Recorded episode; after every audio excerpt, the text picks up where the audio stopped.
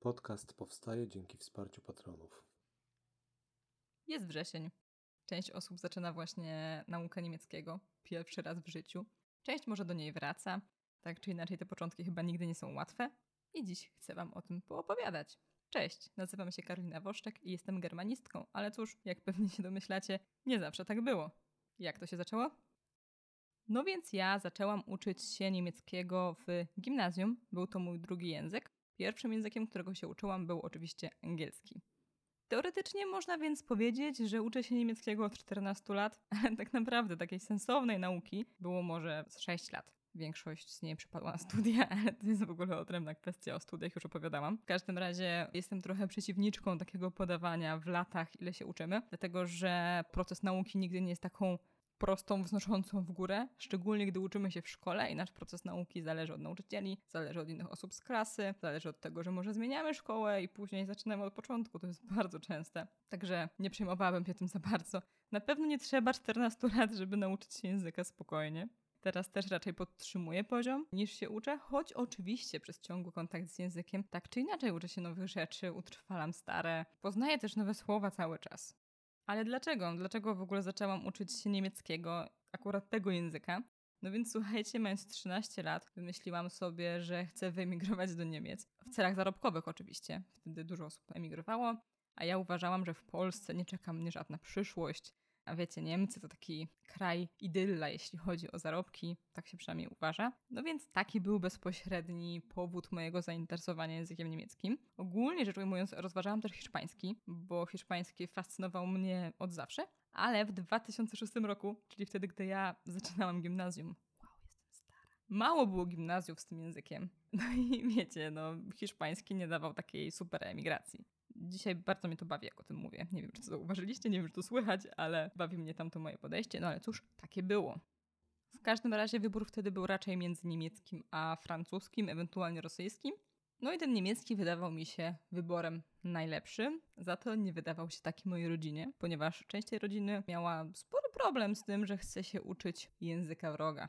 No więc słuchajcie, ja wtedy zapytałam o zdanie mojego dziadka, który wtedy jeszcze żył i przeżył wojnę, co on o tym myśli czy to jest jakieś nie w porządku, żeby uczyć się niemieckiego. I on mi powiedział, że nie możemy winić młodych Niemców za błędy ich dziadków. I ja się tego trzymam. I zawsze, gdy ktoś mi zarzuca jakieś tego typu tematy, konotacje, skojarzenia i jeszcze jakieś synonimy do tych słów, to przytaczam po prostu słowo mojego dziadka, który wydaje mi się tutaj bardziej decyzyjną osobą niż jakieś nasze stare żale, już abstrahując od tego, że chyba troszkę się to nastawienie zmieniło. Ale szkoła to gimnazjum nie było moim pierwszym kontaktem z niemieckim. Tak właściwie to szkolne nauczanie było dla mnie pierwszym zetknięciem tylko z angielskim i to w tym języku mam największe problemy z wymową. W każdym razie, słuchajcie, gdy chodziłam do podstawówki, popularne było słuchanie Tokyo Hotel. Ale ja nie słuchałam Tokyo Hotel, ale Killer Pilce. Miałam wtedy taki czas, że, że chciałam być właśnie bardziej buntownicza i, i to Killer Pilce po pierwsze nie było właśnie tą najoczywistszą opcją, ale też e, była to po prostu mocniejsza muzyka, taki no punk, po prostu punk śpiewany przez szesnastolatków. Do tej pory mam do tej muzyki sentyment. Ale wracając do tematu, to właśnie było moje takie pierwsze zetknięcie z niemieckim, więc ja coś tam już śpiewałam po niemiecku, nie wiadomo jak to się robi. Śpiewamy bez sensu jakieś słowa, które wydaje nam się, że słyszymy. Później, pięć lat potem, gdy już widzimy tekst i, i znamy ten język, dociera do nas, jakie głupoty śpiewaliśmy. Ale to takie tam amarandy, nie? Nie przejmujmy się. Dodatkowo, zanim zaczęłam naukę w szkole, poszłam na takie dwie czy trzy lekcje prywatne, bo bałam się mojej przyszłej szkoły, jak się później okazało słusznie. W każdym razie w czasie tych pierwszych lekcji zapytałam nauczycielkę, co oznacza scheißegal. A ona spaliła buraka, bo okazało się, że to jest przekleństwo. Ja zapytałam o to dlatego, że właśnie Killer Pilce mają piosenkę o takim tytule, więc wiecie, byłam ciekawa. No i to słowo żebyście już nie musieli pytać y, waszych biednych nauczycielek, które wstydzą się przekleństw, oznacza mniej więcej mieć coś w dupie. Wracając do tematu mojego gimnazjum, to ja poszłam do klasy dwujęzycznej, co wbrew pozorom oznaczało, że uczyłam się tylko niemieckiego.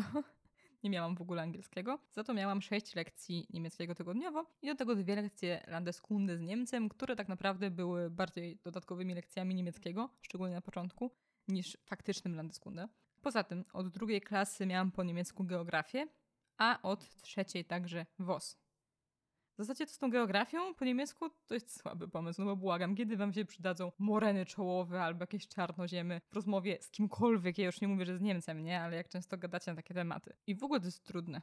I po co? I na co to komu? Poza tym, że miałam tyle lekcji niemieckiego, to miałam też dwie nauczycielki od niemieckiego. To znaczy z jedną miałam trzy lekcje tygodniowo i z drugą pozostałe trzy lekcje. Chyba było tak dlatego, że jedna z nich była naszą wychowawczynią, żadna inna klasa tak nie miała. Tak czy siak skutkowało to tym, że one w ogóle nie wiedziały, co robiliśmy, w sensie nie konsultowały tego za bardzo ze sobą, co, co z nami przerabiały i później ich wymagania były nieadekwatne, mówiąc pokrótce. Ogólnie lekcje były takimi bardzo typowymi lekcjami. Na każdej z nich poznawaliśmy pierdylion słówek, zwykle było ich około 30. I później byliśmy z nich odpytywani. Typowa szkoła, nie? I przy sześciu lekcjach tygodniowo musieliśmy uczyć się tych 30 słówek z dnia na dzień. Protip to za dużo. Nie jesteśmy w stanie się tyle nauczyć. Standardowo przyjmuje się, że tego słownictwa, którego zapamiętania od ucznia oczekujemy, maksymalnie powinno być 25 słów, ale raczej z tygodnia na tydzień niż z dnia na dzień. No zresztą wyobraźcie to sobie, 30 słówek z dnia na dzień to jest 150 słów tygodniowo. Błagam. Kto jest w stanie to ogarnąć, jeżeli nie robi tylko tego, jeżeli nie uczy się wyłącznie niemieckiego, y, ma też inne przedmioty, a my mieliśmy inne przedmioty. Myślę, że mój stosunek do tego, jak wyglądała ta nauka, tutaj dosyć mocno wybrzmiewa między słowami, tak czy inaczej, więc może skupię się na tym, jak mi szło. Otóż szło mi fatalnie. Teraz mnie to bawi, ale wtedy to było straszne, dlatego że w tej klasie naszej dwujęzycznej, w takim troszeczkę zbyt dobrym gimnazjum w stolicy, były bardzo wysokie wymagania. A to oznacza, że gdy mieliśmy trójkę po pierwszej klasie z niemieckiego, byliśmy przenoszeni do klasy ogólnej. Więc nie dość, że ogólnie była presja ocen, no bo oceny same w sobie służą temu, żeby dzieciaki się bały i żeby utrzymywać jakiś tam pseudoautorytet nauczyciela, to dodatkowo to było jeszcze spotęgowane przez ten strach, że rozdzielą was od znajomych, że stracicie możliwość uczenia się w tej najlepszej klasie, to się twierdziło. Ja nie czuję się w ogóle lepsza z tego powodu. Chciałabym to tutaj zaznaczyć, że to jest dla mnie w ogóle okropne wspomnienie i dlatego tak to podkreślam, bo wiem, że wielu rodziców ciśnie dzieci, żeby szły do najlepszych szkół, a z mojego doświadczenia wynika, że to jest najgorsze, co można dziecku zrobić. I mówię tutaj nie tylko o moim doświadczeniu jako uczennicy, ale też jako nauczycielki, która spotyka się z wieloma osobami także po takich świetnych szkołach. U mnie akurat było tak, że ja sama chciałam tam iść, miałam po prostu wysokie ambicje. W każdym razie wracając, szło mi fatalnie. I tak naprawdę większość nie dawała rady uczyć się w takim tempie. Ogarniały głównie te osoby, które miały niemiecki już w podstawówce. Logischerweise po prostu takie osoby miały łatwiej, bo znały już podstawy, przerobiły je powoli, dokładnie, znały część słownictwa i pierwsze miesiące były dla nich wyłącznie powtórką, ewentualnie jakimś rozszerzeniem tego, co, co już potrafiły. Ja tymczasem miałam problemy totalnie ze wszystkim, z czym da się je mieć. Czyli z nauką słówek, z rozumieniem gramy. To już w ogóle była tragedia, nikt na nią nie zwracał zbytniej uwagi. A ja, słuchajcie, w gimnazjum nie wymawiałam R. W połączeniu z nauczycielami, którzy wymagają wymowy typu IR, no to, to jest problematyczne. Dostawałam pałę za pałą, źle było. Ostatecznie udało mi się jakoś utrzymać w tej klasie, chociaż było bardzo ciężko. Nauczycielki mnie nie lubiły, ja sobie nie radziłam, ponieważ miałam problemy z niemieckim, spotęgowane jeszcze moim pobytem w szpitalu. W pierwszej klasie byłam w szpitalu przez chyba dwa tygodnie, co przy takim tempie nauki skutkuje bardzo dużymi zaległościami. No i tak naprawdę nigdy tego nie odrobiłam, więc miałam problemy z konkretnymi zagadnieniami aż do liceum, gdy zaczęłam wszystko przerabiać ponownie przez to, że ten niemiecki był dla mnie taki problematyczny, miałam fatalne świadectwo po gimnazjum. Tak to się skończyło, ten mój romans z taką świetną szkołą, że później nie chcieli mnie nigdzie przyjąć do liceum. Nie no, przesadzam i dramatyzuję, ale nie poszłam tam, gdzie chciałam ogólnie. Ale dobrze, przejdźmy do pytań od patronów. Patronka pyta, czy miałaś jakąś trudność, gdy uczyłaś się niemieckiego? No słuchajcie, wszystko było dla mnie trudne. Moje problemy, te o których wspomniałam, zaczęły się od trzech form czasownika, których tak naprawdę nauczyłam się dopiero na studiach. To znaczy, oczywiście w gimnazjum zaliczałam kartkówki z trzech form i w liceum też zaliczałam kartkówki z trzech form, ale to w ogóle nie znaczyło, że potrafiłam ich używać. I dopiero na studiach nauczyłam się ich w sposób logiczny, a to dlatego, że miałam większą próbkę. W sumie chyba dzięki temu było trochę łatwiej, bo musiałam znać więcej słów, co pozwoliło mi zaobserwować faktyczne wzory w odmianie i teraz posługuję się tym jak native, a nie jak ktoś, kto musi sobie rozpisać wszystko na karterce. A, tutaj już zaczynam rant na szkolnictwo i system edukacji, sposoby nauczania, więc, więc trochę się tutaj postaram jednak ograniczać. W każdym razie w niemieckim, jak ma się problem z trzema formami, to ma się problem z połową gramy, dlatego że one są wykorzystywane w wielu innych konstrukcjach, na przykład w pasywie są wykorzystywane, czyli w stronie biernej. Są także używane do budowania przymiotników.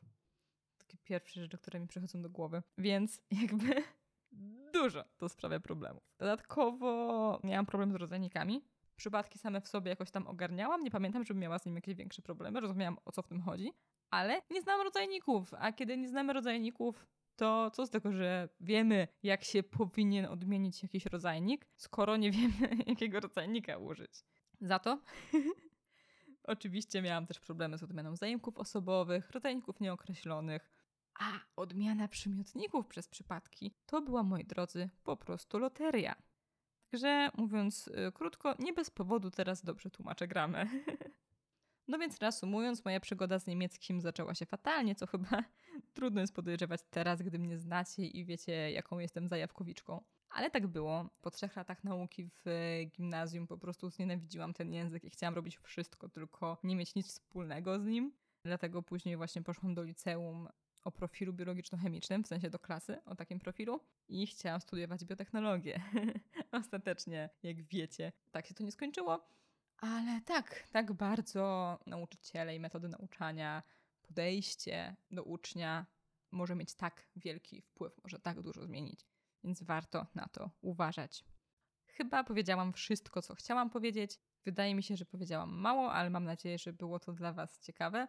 Jeśli byście chcieli, żebym opowiedziała o dalszej mojej historii z niemieckim, która jest taką love-hate history, to dajcie znać. I przypominam, że moją działalność w sieci, czyli głównie ostatnio podcast i Instagram, gdzie opowiadam o niemieckim, opowiadam jak się uczyć, można wspierać na Patronite. Jeśli lubicie to, co robię, to zapraszam. Dziękuję i do usłyszenia następnym razem.